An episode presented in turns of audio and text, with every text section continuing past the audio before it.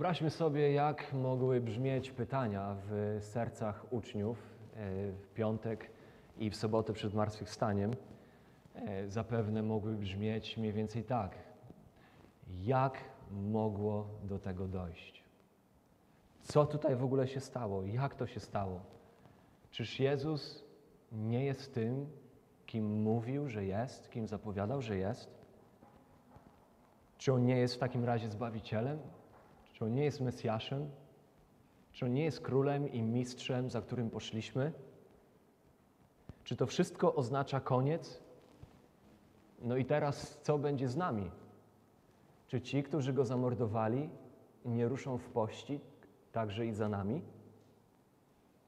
Judasz Jezusa zdradził, Maria płacze, nadzieja wydaje się stracona, śmierć wydaje się, że wygrała, szatan wydaje się, że się śmieje, Jezus jest pochowany, żołnierze stoją na warcie, głaz jest przesunięty, zasłania wejście, ale my wiemy, że nadchodziła niedziela. My wiemy, że Jezus zmartwychwstał. Śmierć Jezusa jednak nie okazała się końcem. Okazała się bardziej początkiem wszystkiego. Jedną z rzeczy, którą o sobie powiedział sam Jezus, jest to, że On jest zmartwychwstaniem i życiem. On zresztą sam o sobie powiedział, że tak jak ma moc swoje życie oddać, że nikt mu życia nie odbiera, On nie oddaje z własnej woli. On ma moc, żeby to życie wziąć ponownie. I na trzeci dzień po ukrzyżowaniu Jezusa czytamy, ziemia przy Jego grobie zadrżała, żołnierze pilnujący grobu zemdleli na widok anioła, kamień został odwalony i ten kamień został odsunięty nie dla Jezusa, ten kamień został odsunięty dla tych, którzy za chwilę mieli przyjść do tego grobu. Dla kobiet, które czytamy w Łukasza 24, wersety 1 do 3, które pierwszego dnia tygodnia wczesnym rankiem przyszły do grobu, niosąc wonności, które przygotowały i zostały kamień odwalony od grobowca. A wszedłszy do środka, nie znalazły ciała Pana Jezusa. I tak się rozpoczyna niedziela wielkanocna. Tak się rozpoczyna wspaniałe zwycięstwo. Jezusa nie ma w grobie. Jezus żyje. I wyobraźmy sobie uczniów i przyjaciół Jezusa do tego momentu. Wszyscy zrozpaczeni, zdruzgotani, smutni, zawiedzeni, przerażeni, aż nagle coś się zmienia. Nagle coś się zmienia w postawie tych przestraszonych, tchórzliwych, chowających się ze strachu uczniów. Rozpacz i smutek widzimy nie tylko w piśmie, ale widzimy historycznie. Rozpacz i smutek zamieniają się w nieposkromioną radość tychże uczniów. Rozczarowanie zamienia się w triumf, strach zamienia się w bezgraniczną odwagę. I oto mała żydowska sekta prostych ludzi, Chrystusowców, już się nie chowa, ale odważnie wychodzi do ówczesnego świata, by ogłaszać z pełnią przekonania, że Jezus żyje, że oto Bóg ustanowił go królem i ustanowił go sędzią, którego Bóg ustanowił nad żywymi i umarłymi, ale także, że jest zbawicielem. Zbawicielem, który przyniósł rozwiązanie grzechu grzech, grzesznika, największego problemu, jaki człowiek przed Bogiem ma. I tym samym widzimy tych uczniów, jak z odwagą, z radością, z przekonaniem zaczynają wzywać wszystkich i wszędzie do upamiętania i złożenia wiary właśnie w Nim, w tym, który zmartwychwstał. I do dziś nie ma żadnego sensownego wyjaśnienia tego, co się wydarzyło wtedy. Tego, co się wydarzyło mniej więcej po 40 dniach po tej niedzieli, którą my świętujemy dzisiaj, czy tam po 50 dniach dokładnie. Nie ma żadnego sensownego wyjaśnienia. Nie ma wyjaśnienia pustego grobu, przemienionych uczniów gotowych umrzeć za to, co zwiastowali. I nie ma sensownego wyjaśnienia rozprzestrzeniania się chrześcijaństwa w pierwszym stuleciu. Żadnego lepszego wyjaśnienia niż zmartwychwstanie Chrystusa, którego oni widzieli. Oczywiście próby wyjaśnienia są różne, teorii jest wiele. Niektóre z nich są tak absurdalne, że w ogóle nie ma sensu się nimi zajmować wymagają więcej wiary niż wiara w to, co opisuje Pismo i to, co wydaje nam świadectwo historii. Niektóre, nawet jeżeli bardziej sensowne, bardziej logiczne, to nie mające możliwości ostać się w obliczu materiału dowodowego, który daje nam zarówno Pismo, jak i historia. To, co wydarzyło się na skutek zmartwychwstania, jest nieporównywalne z jakimkolwiek wydarzeniem w historii ludzkości. Na przestrzeni 20 lat mała grupa nic nieznaczących, prostych uczniów Chrystusa odwróciła potężne imperium rzymskie do góry nogami. I jak ktoś napisał o nich, wycierpieli hartowaną stal tyranów, krwiożercze paszcze lwów, ogień tysiąca śmierci, ponieważ byli przekonani, że oni, tak jak ich Pan i Mistrz, któregoś dnia powstaną z grobu przemienieni do życia wiecznego. I Paweł pisząc do Koryntian, w 1 Koryntian 15 rozdziale, wersety od 1 do 8, podkreśla to, co jest sednem, to, co jest fundamentem chrześcijaństwa. Podkreśla Ewangelię, która powinna być w centrum, jest w centrum tego, czym jest chrześcijaństwo. I czytając te słowa o, o tej Ewangelii, która jest pierwszorzędna, czytamy. 1 Koryntian 15, od 1 do 8. A przypominam wam, bracia, Ewangelię, którą wam zwiastowałem, którą też przyjęliście i w której trwacie i przez którą zbawieni jesteście, jeśli ją tylko zachowujecie tak, jak wam ją zwiastowałem, chyba że nadaremnie uwierzyliście. Najpierw bowiem podałem wam to, co i ja przyjąłem, że Chrystus umarł za grzechy nasze według Pism i że został pogrzebany. I że dnia trzeciego został z martwych wzbudzony według Pism i że ukazał się Kefasowi, potem dwunastu, potem ukazał się więcej niż pięciuset braciom naraz, z których większość dotychczas żyje.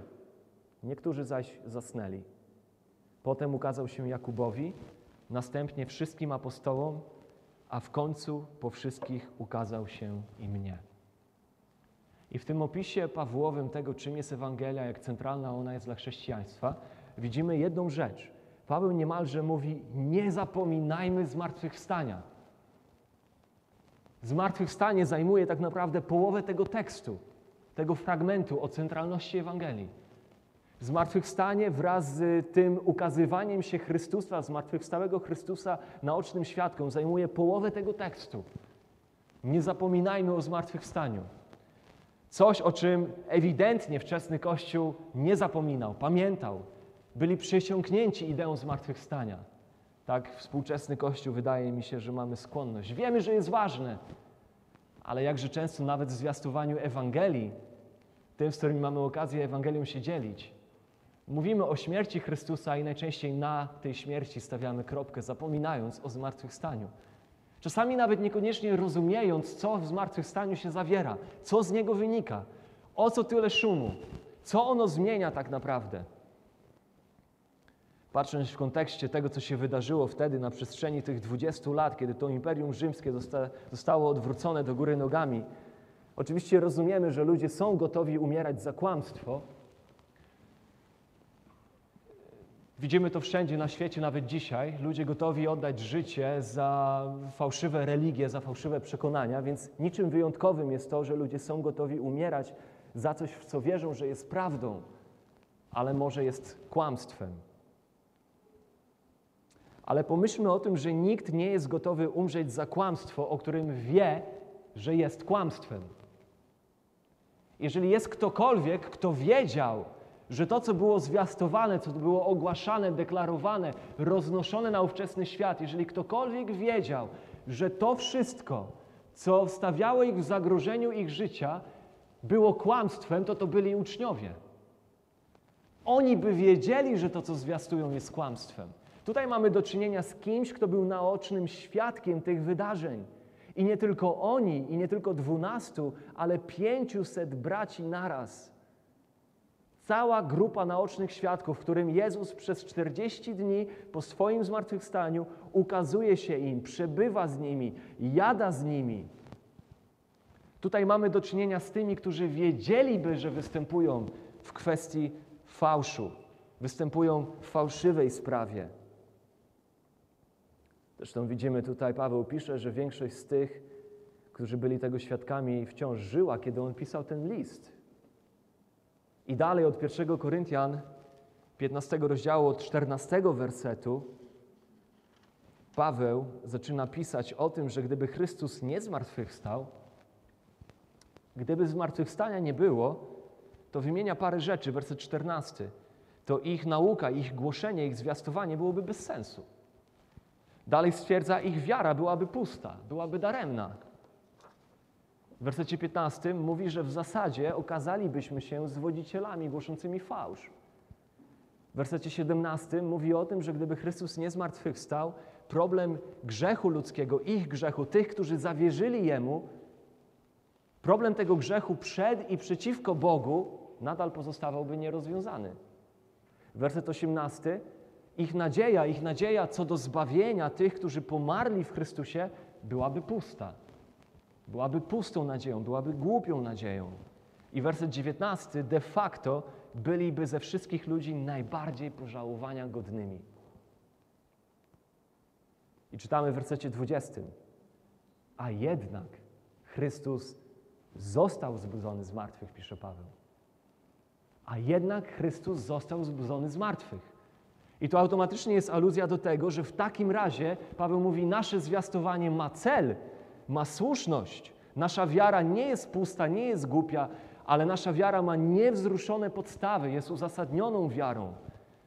Nasze głoszenie jest głoszeniem prawdy, która wyzwala spod niewoli grzechu i potępienia za grzech. Nasza nadzieja co do tych, którzy umierają wierząc w Chrystusa, jest nadzieją pewności. I w zasadzie, choć dla wielu możemy wyglądać jak najbardziej żałośni ludzie na świecie, to ze wszystkich ludzi jesteśmy najbardziej pozazdroszczenia godnymi w pewnym sensie. Mamy największy skarb. Poznaliśmy Chrystusa, który jest królem, który jest Panem, który jest Zbawicielem.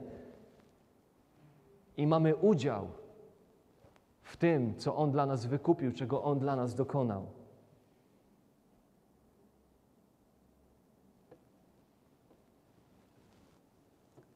I kończy Paweł werset, rozdział 15, ten długi rozdział o istocie zmartwychwstania Chrystusowego, gdzie ukazuje, jak fundamentalne zmartwychwstanie jest dla naszej pewności. Pochłonięta jest śmierć w zwycięstwie, końcówka 54 wersetu. Gdzież jest więc o śmierci zwycięstwo Twoje? Gdzież jest o śmierci żądło Twoje? A żądłem śmierci jest grzech, a mocą grzechu jest zakon. Ale Bogu niech będą dzięki, który nam daje zwycięstwo przez Pana naszego Jezusa Chrystusa. A tak, bracia moi mili, bądźcie stali, niewzruszeni, zawsze pełni zapału do pracy dla Pana, wiedząc, że trud wasz nie jest daremny w Panu. I tutaj widzimy w kontekście tego, jak wczesny Kościół pojmował istotę zmartwychwstania, centralność zmartwychwstania. Widzimy tutaj tą prawdę o tym, że to, co mogło wyglądać na początku na porażkę, było w rzeczywistości zwycięstwem. Widzimy, że ten poranek wielkanocny był najpochmurniejszym dniem dla królestwa demonów. Szatan zobaczył mądrość Bożą i posmakował porażki. Z drugiej strony poranek wielkanocny był najjaśniejszym dniem dla tych, którzy poszli za Jezusem. To był dzień najjaśniejszej prawdy dla tych, którzy Chrystusa się uchwycili. W niemożności śmierci do tego, by Jezusa zatrzymać w grobie, ukazuje nam się totalność Jego zwycięstwa. Cóż jeszcze siły zła mogą zrobić, skoro ktoś, kogo uśmierciły, nie pozostaje martwy? Zmartwychwstanie jest taką doktryną, która wynosi chrześcijaństwo ponad wszystkie religie świata. I to właśnie poprzez zmartwychwstanie, dzięki zmartwychwstaniu, to właśnie przez ten element życia Chrystusa Chrystus zademonstrował, że On nie stoi w tym samym rzędzie z Abrahamem, z Buddą, z Konfucjuszem. On jest bezdyskusyjnie wyjątkowy. Ma władzę, by nie tylko życie stracić, ale tak, żeby je odzyskać. I gdybyśmy tylko zrozumieli i stosowali fakt zmartwychwstania naszego Pana, tak jak czytamy o tym w wersetach 57-58 w 1 Koryntian 15, tego, że nasz Pan i Zbawiciel jest zmartwychwstałym i żyjącym Panem. Gdybyśmy stosowali ten fakt i rozumieli go do naszego życia, to zauważmy według tych wersetów, o ileż wzrastałaby nasza stałość, nasza niewzruszoność w pójściu za Panem, w służbie Panu, nasza stabilność, czy nasz zapał w życiu i trudzie dla Pana, jak pisze Paweł. Paweł mówi, nie tracimy tego trudu, tego, zapału w tym trudzie, z powodu tego, że my wiemy, że zwyciężamy wraz z Nim, który jest zwycięzcą. To jest klucz do stabilności duchowego życia chrześcijanina. Zrozumienie zmartwychwstania i zastosowanie go do swojego życia. Więc widzimy, że zmartwychwstanie jest nie tylko ważne dla chrześcijańskiej wiary i pobożności, bez zmartwychwstania chrześcijaństwa nie ma. Ono nie istnieje. Nic więc dziwnego, że kiedy Łukasz opisuje misję Pawła w Atenach w dziejach 17, wersety 16-18 czytamy. Czekając na nich w Atenach, obruszył się Paweł w duchu swoim, poruszony był w duchu swoim na widok miasta oddanego bałwochwalstwu. Zwiastował im bowiem dobrą nowinę o Jezusie i zmartwychwstaniu.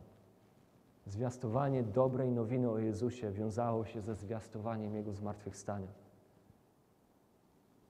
Jakie są więc powody ważności, centralności zmartwychwstania?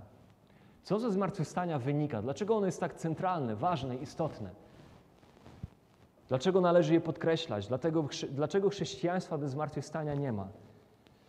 12, 12 punktów. Teraz każdy myśli, ile my tu dzisiaj czasu spędzimy. Ale te 12 punktów y, bardzo poglądowo, bardzo poglądowo. Może kiedyś będziemy mieli okazję zatrzymać się na nich głębiej. Dzisiaj jedynie totalnie z lotu ptaka, żeby je podkreślić, tak jak mówi o nich pismo, bez głębszego wyjaśniania ich, ale żebyśmy zrozumieli po prostu ogrom tych powodów, dla których biblijnie zmartwychwstanie jest tak centralne. Więc 12 punktów bardzo ogólnie i bardzo szybko. Po pierwsze, w zmartwychwstaniu między innymi ma miejsce wypełnienie proroctw, zapowiedzi samego Jezusa. Zmartwychwstanie jest uwierzytelnieniem tego, co sam Jezus zapowiadał.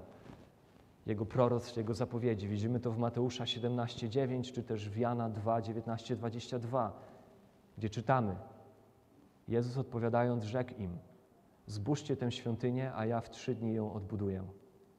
Na to rzekli Żydzi 46 lat budowano tę świątynię, a Ty w trzy dni chcesz ją odbudować? Ale on mówił o świątyni ciała swego. Gdy więc został wzbudzony z martwych, przypomnieli sobie uczniowie Jego, że to mówił i uwierzyli Pismu i Słowu, które wyrzekł Jezus. Zmartwychwstanie jest tak centralne, ponieważ ono leży u podłoża tego, kim Jezus był i to, co zapowiadał i o czym prorokował. Uwierzytelniało Jego prawdomówność, Jego zapowiedzi, Jego własnej śmierci i zmartwychwstania. Po drugie, zmartwychwstaniu między innymi ma miejsce poświadczenie właśnie boskości Jezusa. Patrząc na to, że wypełniają się Jego proroctwa, Jego zapowiedzi, widzimy, że w zmartwychwstaniu jest też poświadczenie Jego boskości. Chociażby list do Rzymian, pierwszy rozdział, wersety od 1 do 4. Możemy sobie tutaj notować te rzeczy i w domu wgłębić się w nie bardziej. Paweł, sługa Jezusa Chrystusa, powołany na apostoła, wyznaczony do zwiastowania Ewangelii Bożej, którą Bóg przedtem zapowiedział przez swoich proroków w Pismach Świętych o synu swoim, potomku Dawida według ciała, który według ducha uświęcenia został ustanowiony Synem Bożym w mocy przez zmartwychwstanie o Jezusie Chrystusie Panu naszym. Paweł podkreśla tą istotę zmartwychwstania jako element uwierzytelniający Chrystusa jako Syna Bożego, który jako zapowiedziany jest wypełnieniem tych zapowiedzi. Oto ten, na którego wszyscy czekali. A zmartwychwstanie, moc zmartwychwstania jest tym, co uwierzytelnia Go jako Syna Bożego, ustanawia, poświadcza Jego boskość. Trzy. W zmartwychwstaniu między innymi ma miejsce manifestacja chwały Bożej. Manifestuje się Bóg przez zmartwychwstanie. Okazuje swoją władzę, swoją potęgę, swój majestat, swój splendor. To, kim jest w swojej istocie. Czytamy w Dziejach Apostolskich, drugi rozdział, wersety 22 do 24.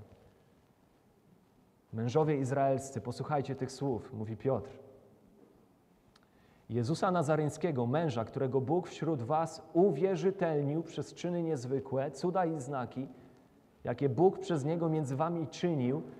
Bóg czynił te rzeczy przez Niego Bóg manifestował swoją istotę, jak to sami wiecie, gdy według powziętego z góry Bożego postanowienia i planu został wydany, tego wyście rękami bezbożnych ukrzyżowali i zabili, ale Bóg go wzbudził, rozwiązawszy więzy śmierci, gdyż było rzeczą niemożliwą, aby przez nią był pokonany.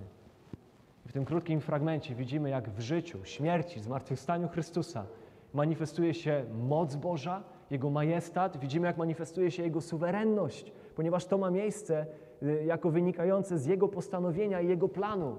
To się rozgrywa w, z punktu widzenia tego, który trzyma puls na historii tego świata i On u spełnienia czasu posyła swojego Syna. I ten na krzyżu umiera, i ten jest zbudzony do życia. I to wszystko jest przejawem majestatu, splendoru, chwały, mocy i suwerenności Bożej. Cztery. W zmartwychwstaniu między innymi ma miejsce gwarancja usprawiedliwienia wierzących. Ta cenna doktryna, której tak mocno trzymamy się, usprawiedliwienie z łaski przez wiarę w Chrystusie. Musimy sobie zdawać sprawę, że centralne dla doktryny usprawiedliwienia z łaski przez wiarę w Chrystusie jest Jego zmartwychwstanie. Rzymian, czwarty rozdział, wersety 24 do 25. Wierzymy w Tego, który wzbudził Jezusa, Pana naszego z martwych, który został wydany za grzechy nasze i uwaga, wzbudzony z martwych dla usprawiedliwienia naszego. Wzbudzony z martwych dla usprawiedliwienia naszego. Paweł pisze, że On został wydany ze względu na nasze przestępstwa, ze względu na nasze grzechy został wydany, umarł i został wskrzeszony ze względu na uznanie nas za prawych, za sprawiedliwych przed obliczem Boga.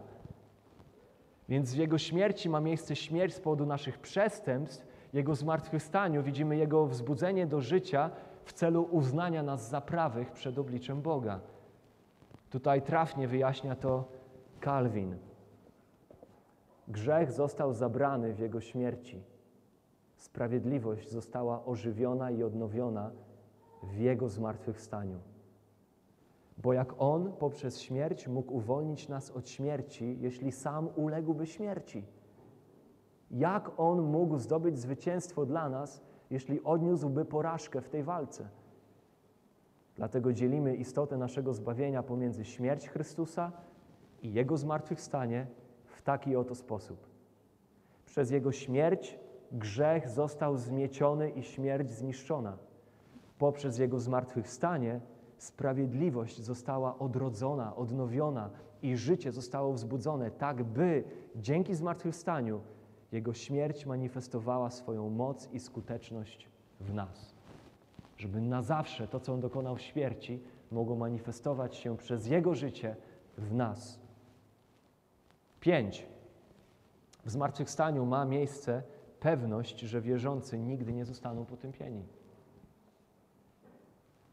W zmartwychwstaniu ma miejsce pewność, że wierzący nigdy nie zostaną potępieni. Rzymian, ósmy rozdział, wersety 31 do 34. Czyż to nie wspaniałe? Jeśli Bóg jest po naszej stronie, kto może stanąć przeciwko nam? On, który nawet własnego syna nie oszczędził, ale go za nas wszystkich wydał, jak żeby wraz z nim nie miał nas obdarzyć wszelkim innym dobrem. Kto ma oskarżać wybranych przez Boga? Przecież Bóg usprawiedliwia. Kto ma potępiać?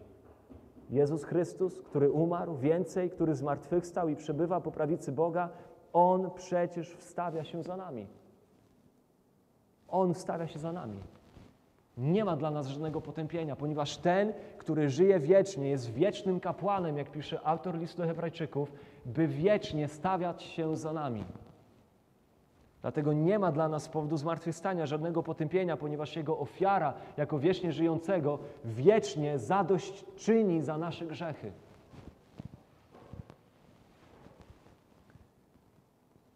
Sześć. W zmartwychwstaniu ma miejsce innymi możliwość posłania Ducha Świętego. Czytamy Ewangeliana w siódmym rozdziale, wersety 37-39. A w ostatnim wielkim dniu święta stanął Jezus i głośno zawołał: Jeśli kto pragnie, niech przyjdzie do mnie i pije. Kto wierzy we mnie, jak powiada pismo, z wnętrza jego popłyną rzeki wody żywej. A to mówił o duchu, którego mieli otrzymać ci, którzy w niego uwierzyli, albowiem Duch Święty nie był jeszcze dany, gdyż Jezus nie był jeszcze uwielbiony. Moment uwielbienia, ten aspekt uwielbienia odnosi się do istoty Jego zmartwychwstania i potem Jego w niebo wstąpienia i zajęcia tronu po prawicy Ojca. Więc Duch Święty nie był jeszcze dany, gdyż Jezus jeszcze nie był uwielbiony, jeszcze nie został zbudzony z martwych.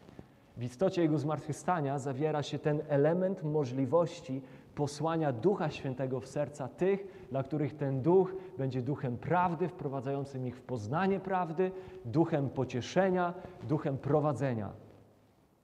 I tą pieczęcią Bożą nad tymi, którzy są Jego. Siedem. W zmartwychwstaniu ma miejsce innymi ogłoszenie Jezusa głową Kościoła i władcą nad wszelką władzą. I tutaj chociażby Efezjan 1, 18 do 23. Paweł modli się o Efezjan, abyście wiedzieli. Jest modlitwa o nas, abyście wiedzieli. Werset 19. Jak nadzwyczajna jest wielkość mocy Jego wobec nas, którzy wierzymy dzięki działaniu przemożnej siły Jego, jaką okazał w Chrystusie, gdy wzbudził Go z martwych i posadził po prawicy swojej w niebie, ponad wszelką nadziemską władzą i zwierzchnością i mocą i panowaniem i wszelkim imieniem, jakie może być wymienione, nie tylko w tym wieku, ale i w przyszłym, i wszystko poddał pod nogi Jego, a Jego samego ustanowił ponad wszystkim głową Kościoła, który jest ciałem Jego, pełnią tego, który sam wszystko we wszystkim wypełnia. Oto w zmartwychwstaniu ma miejsce deklaracja, w pewnym sensie koronacja Chrystusa jako władcy ponad wszelką władzą. Oto Chrystus, który wiecznie żyjący jest głową Kościoła, który buduje i którego bramy piekielne nie przemogą. 8. W zmartwychwstaniu między innymi ma miejsce możliwość wzbudzenia wierzących z duchowej śmierci do życia.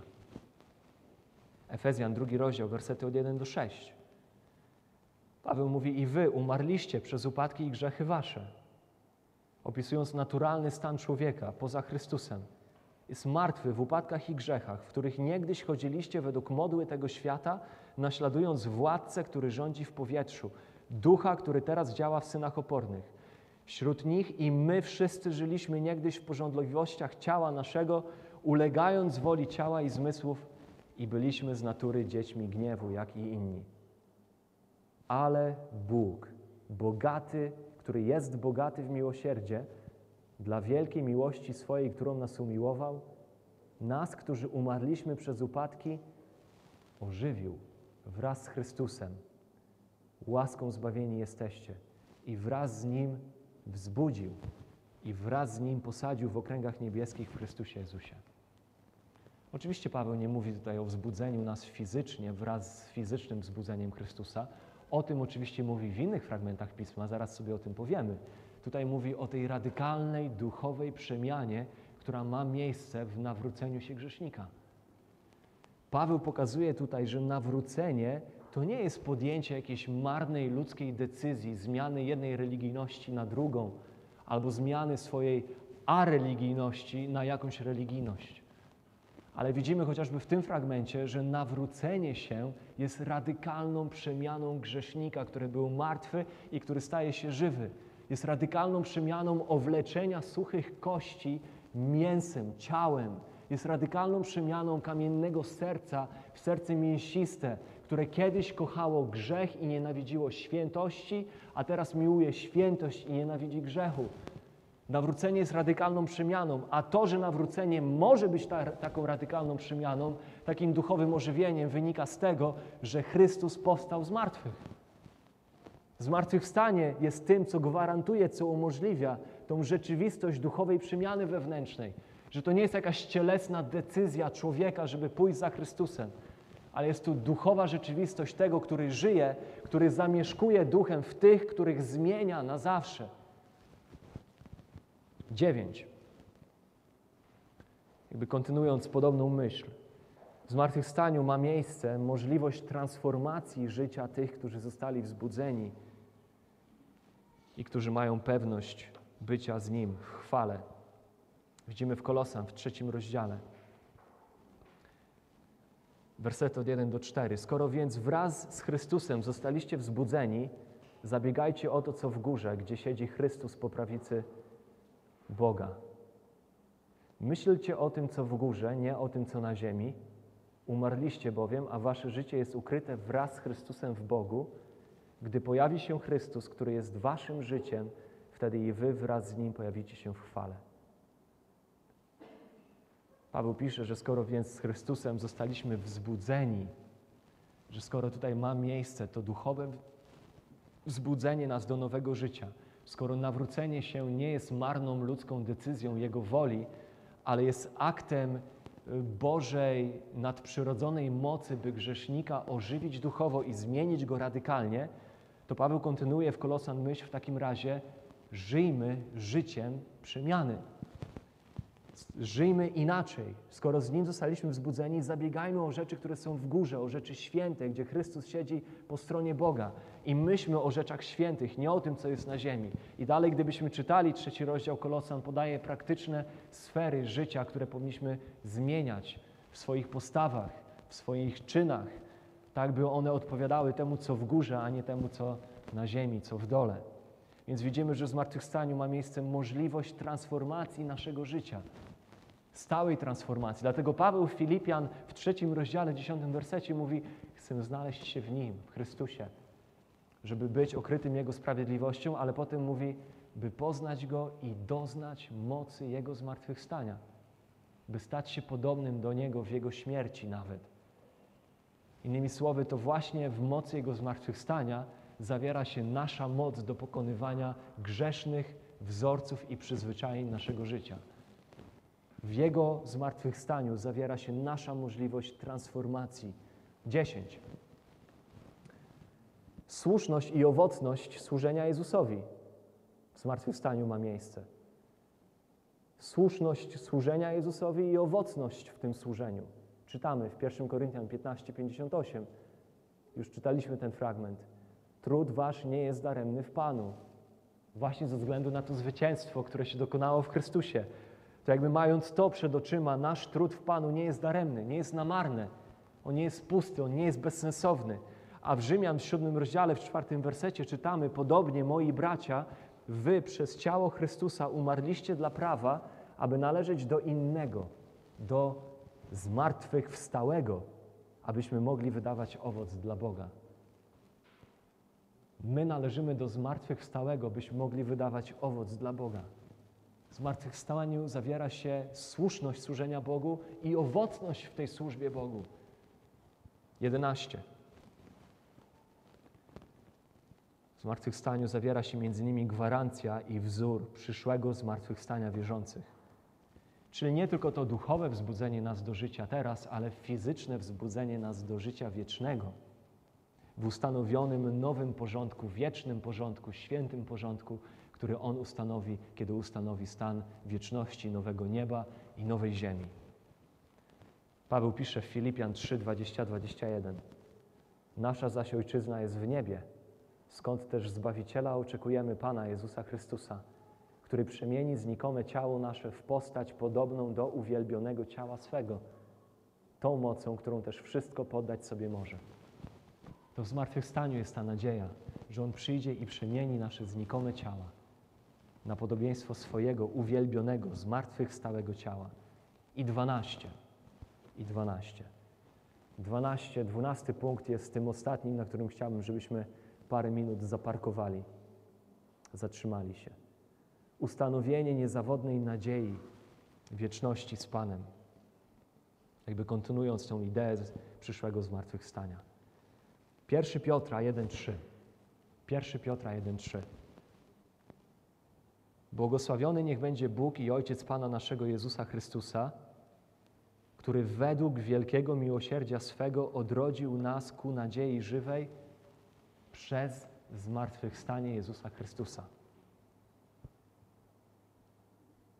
Odrodził nas ku nadziei żywej przez zmartwychwstanie Jezusa Chrystusa. Pamiętajmy, że Piotr pisząc ten list pisze do chrześcijan cierpiących, zmagających się, stawiającym czoła prześladowaniom, różnego rodzaju opresji. I zauważmy, że on, kiedy zaczyna ten list, nie pisze do nich, nie zaczyna od jutro będzie lepiej, trzymajcie się, dacie radę, inni mają gorzej. On zaczyna ten list od uwielbienia Boga. Zaczyna ten list od skierowania ich uwagi na Boga. Zaczyna ten list od skalibrowania perspektywy chrześcijanina. Jak chrześcijanin patrzy na rzeczywistość, jak powinien patrzeć na rzeczywistość. A to z kolei, a z kolei to uwielbienie, to przekierowanie uwagi na Boga, czy też to skalibrowanie ich perspektywy jako wierzących ludzi, zaczyna od jednej z tych prawd, która jest nasza dzięki zmartwychwstaniu. Jaka to jest prawda? Że On zrodził nas do nadziei żywej. To skalibrowanie ich perspektywy, to zwrócenie ich uwagi na Boga, to uwielbienie Boga zaczyna od tej myśli. On odrodził nas ku nadziei żywej przez zmartwychwstanie Jezusa Chrystusa. I niżej wyjaśnia, co jest obiektem tej żywej nadziei, co on ma na myśli. Wyjaśnia to niżej, w kolejnym wersecie, że to jest to dziedzictwo. Tą naszą żywą nadzieją jest to dziedzictwo, które nie ulegnie zniszczeniu, nie ulegnie skażeniu, ani nie utraci świeżości. Ono czeka odłożone na nas w niebie należeć będzie do Was, do Was, których Bóg strzeże swą mocą dzięki wierze, aby obdarzyć Was zbawieniem mającym objawić się w ostatecznym czasie. Obiektem tej żywej nadziei wynikającej z tego nowego narodzenia, które jest ugruntowane w zmartwychwstaniu Jezusa, jest dziedzictwo odłożone dla nas, strzeżone dla nas w niebie. Niezniszczalne, pisze Piotr, nieskażone, niewiędnące, wolne od śmierci i zepsucia, wolne od zanieczyszczenia i od brudu, wolne od jakiejkolwiek daty ważności. Jak jeden z biblistów parafrazuje ten fragment, dziedzictwo nietknięte przez śmierć, niesplamione przez zło, nienaruszone przez czas. I oto nadzieja, która wypełnia strudzoną duszę chrześcijanina taką wewnętrzną radością i pocieszeniem, że jest ta dusza w stanie się radować pomimo łez w oczach i pomimo jakiegoś przeżywanego bólu. Potrafi jednocześnie wzdychać utrudzona i śpiewać rozradowana. To jest paradoks chrześcijanina. A to między innymi ta rzeczywistość, z jednej strony radującego się śpiewu pośród e, utrudzonego wzdychania, czy też ta rzeczywistość wewnętrznej radości połączonej ze łzami w oczach, wynika z tego, że ta nadzieja, ta żywa nadzieja skierowana w to dziedzictwo, które są ugruntowane w Jego zmartwychwstaniu, są przed oczami tego chrześcijanina. To ta nadzieja, to dziedzictwo, to wieczność spędzona z Bogiem w tym, co Biblia czasami nazywa niebem, jest to, co przez dwa tysiące lat wydaje się, że było zawsze siłą napędową chrześcijan. Było kluczem ich odwagi, ich niestrudzonych wysiłków, ich wytrwałości, a które wydaje się przez ostatnie 50 lat w dużej mierze znikło ze świadomości chrześcijan. Nawet wystarczy spojrzeć na literaturę, jaka dominuje w chrześcijańskich księgarniach. To wszystko jest o życiu tutaj. E, niemalże nie ma nic o umieraniu, o zwycięskim umieraniu, o tym, o czym pisali Purytanie, o tym, o czym pisali czasami ojcowie Kościoła, o tym, o czym myśleli ci, którzy umierali męczeńską śmiercią z powodu Chrystusa. Wydaje się, że ostatnie 50 lat w zachodnim świecie świadomość tej nadziei skierowanej ku dziedzictwu znikła ze świadomości chrześcijan. Co gorsza, wydaje się, że nie tylko znikła, ale że została wypaczona. Że zarówno niechrześcijanie, jak i nawet chrześcijanie o niebie myślą jako o miejscu wiecznej nudy, jako o miejscu wiecznej monotonii. Nie trudno trafić dzisiaj na wyznania typu to jest cytat pastora, który składa wyznanie. To wyznanie to jest jeden z pastorów, składa to wyznanie. Kiedy myślę o niebie, to ogarnia mnie nuda. Już wolałbym chyba być unicestwionym, niż spędzić w nim wieczność. Nie porywa mnie myśl o nieskończonej nudzie i monotonii, przesiadywania na obłokach i grania na harfach. Niebo nie wydaje mi się wiele lepsze od piekła. Przecież to jest niczym innym niż szatańskim kłamstwem. tego, który jest nazwany ojcem kłamstwa w Jana 84. Jest to szatańskie kłamstwo na temat Bożego miejsca. I nie trudno znaleźć dzisiaj chrześcijan, którzy zbytnio na niebo nie czekają. Przecież w tym życiu jest tak fajnie. Przecież jest tyle fajnych rzeczy, a w niebie to będziemy gdzieś tam takimi unoszącymi się duszkami. W objawieniu 13:6 czytamy, że bestia, szatan, otworzył zatem paszczę, aby bluźnić Bogu i uwaga, Jego imieniu i Jego przybytkowi. Bluźnił również tym, którzy mieszkają w niebie. Czytamy, że wróg, ojciec kłamstwa, szatan, oskarżyciel, kłamie, bluźni na temat Bożej osoby, Bożych ludzi, ale w środku na temat Bożego miejsca. Szatan jest zdeterminowany, by bluźnić na temat Bożego miejsca, by kłamać na temat Bożego miejsca. A obraz nudnego, monotonnego nieba jest jedną z jego taktyk. On wie, że będzie brakować chrześcijaninowi motywacji, zapału, żarliwości, wytrwałości w życiu dla Pana, poznawania Pana i czynieniu Go poznanym dla innych, jeżeli nie będzie podekscytowany wiecznością z Panem. Pomyślmy chwilę o tych wszystkich ludziach na ulicach, których gdzieś tam spotykamy, w biurach, w marketach, w galeriach, na stadionach. Ich serca są przepełnione potrzebami, pragnieniami różnego rodzaju, nadziejami i tęsknotami. Świat im mówi, że są jedynie zlepkiem komórek wywołanym jakimś przypadkiem. Lecz my wiemy, Bóg włożył wieczność w ich serca, jak mówi Salomon w Księdze Kaznodziei 3.11. I oni gdzieś tam goniąc po tych ulicach, pracując w biurach, będąc w metrach, w pociągach, w tramwajach, stojąc w kolejkach i będąc na stadionach, wołają za rzeczami wiecznymi. Wołają za czymś większym. Czy chcą, czy nie. Szukają czegoś, co będzie trwało, co nie zawiedzie, co będzie dawało im spełnienie, co naprawdę będzie miało znaczenie. Czegoś szukają, za czymś gonią, za czymkolwiek, co mogłoby wypełnić ich pustkę, ich głębokie poszukiwania, ich wołania. I szatan, i świat oferują im powierzchowne, kosmetyczne rozwiązania, aby choć na chwilę stłumić ten ból, ten krzyk wewnętrzny, tą tęsknotę, to wołanie, że my wiemy. I każdy z Was, kto kiedykolwiek gonił za tymi rzeczami, wie, że one są krótkotrwałe, te rozwiązania są powierzchowne i krótkotrwałe, one zawodzą. Obietnice spełnienia zawsze zawodzą. Więc szukamy dalej, szukamy w niewłaściwych miejscach. I człowiek ucieka się do seksu, używa się, e, ucieka do używek, pieniędzy, kariery, władzy, wpływów, czy nawet religii. Ucieka do różnych form medytacji, różnego rodzaju taktyk samopomocy, self-coachingu, i instynkt tych ludzi im mówi, że czegoś im brakuje, że coś powinno być, być, inaczej, że przecież musi być coś więcej.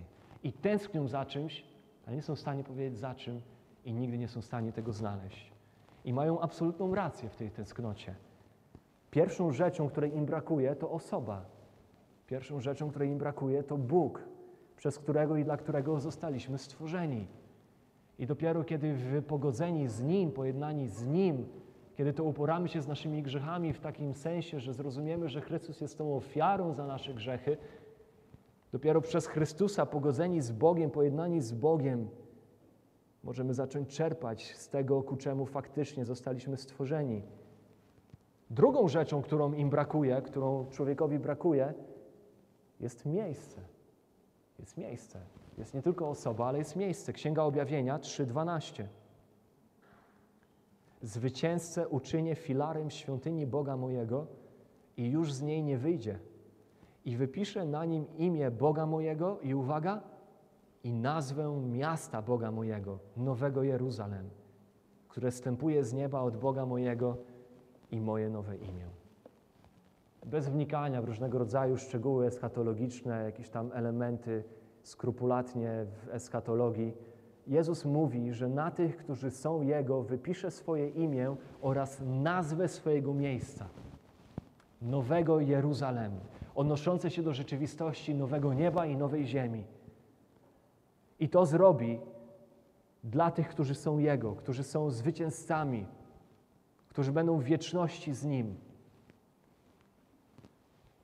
My całe życie poświęcamy na to, by marzyć, dążyć do jakiejś poznania jakiejś osoby, czy do znalezienia właśnie jakiegoś miejsca. Ludzie skaczą z jednej relacji na drugą, szukając osoby, dla której mogliby powiedzieć, że zostali stworzeni, albo ona została stworzona dla nich.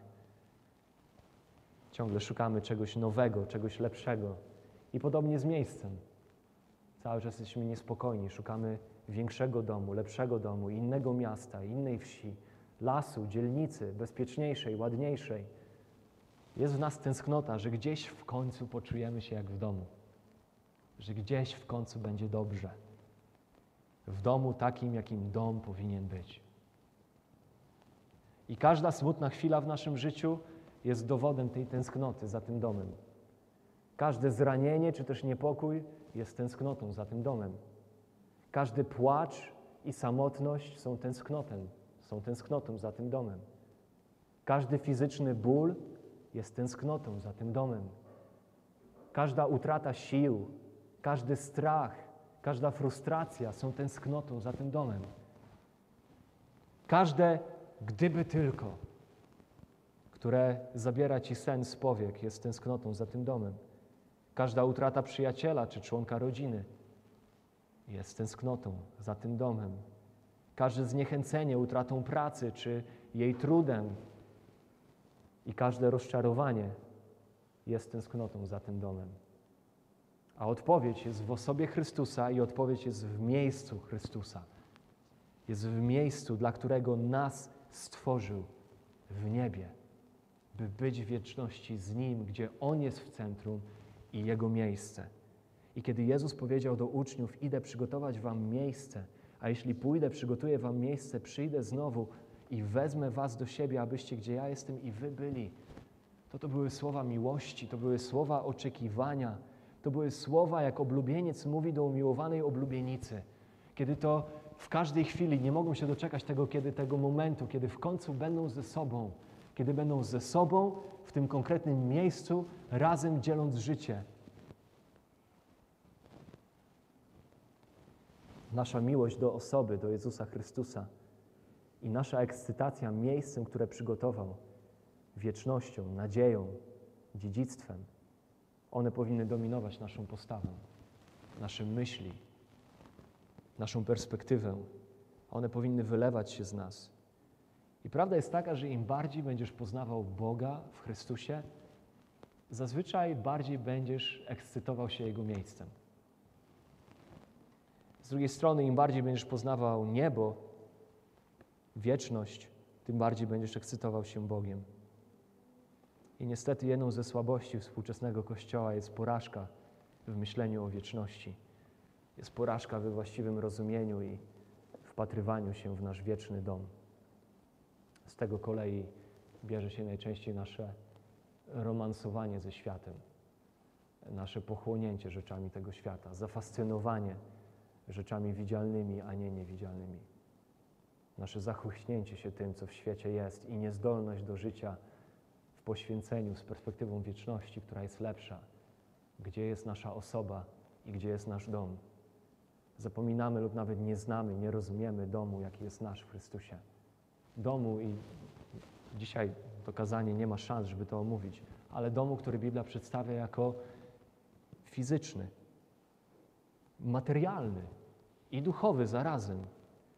Wieczność z Panem jako zapierające piękno, z nieskażoną przyrodą, ze wspaniałymi miastami, z wyśmienitym jedzeniem. Tak, wydaje się, że wieczności będziemy ucztować. Bezpieczny, pozbawiony grzechu. Grzechu, który jest w nas, grzechu, który jest na zewnątrz, który nas dotyka z zewnątrz. Bez biurokracji, bez niesprawiedliwości, bez broni, bez podejrzliwości, bez złośliwości, bez trudu i znoju, bez słabych, bez schorowanych, bez cierpiących ciał, lecz z nowymi ciałami. To jest istota wieczności, którą przedstawia nam Słowo Boże. Ekscytująca, zachwycająca, spektakularna. Stan wieczności, jak opisuje Pismo, to nowa ziemia i nowe niebo, 2 Piotra 3,13. My oczekujemy, według obietnicy, nowych niebios i nowej ziemi, w których mieszka sprawiedliwość. Do pewnego stopnia to wszystko, co będzie nowe, będzie tym, co my już znamy, lecz będzie nowym i lepszym. Będzie czystym, spektakularnym, radykalnie i przepięknie stworzonym, odtworzonym na nowo. Nietknięte przez śmierć, niesplamione przez zło, nienaruszone przez czas. Obraz unoszących się duszków gdzieś tam na obłokach jest szatańskim wypaczeniem wieczności, którą Bóg przygotował dla tych, którzy są Jego. A w centrum tego wszystkiego, tego domu wiecznego, jest oczywiście nasz umiłowany Bóg, Pan i Zbawiciel Jezus. I każde Boże dziecko powinno być w stanie powiedzieć, cóż za postać i cóż za miejsce. A zmartwychwstanie Jezusa jest tym, przez co nasz Bóg w swoim miłosierdziu zrodził nas ku tejże nadziei i ku temu dziedzictwu. Pochylmy głowy w modlitwie.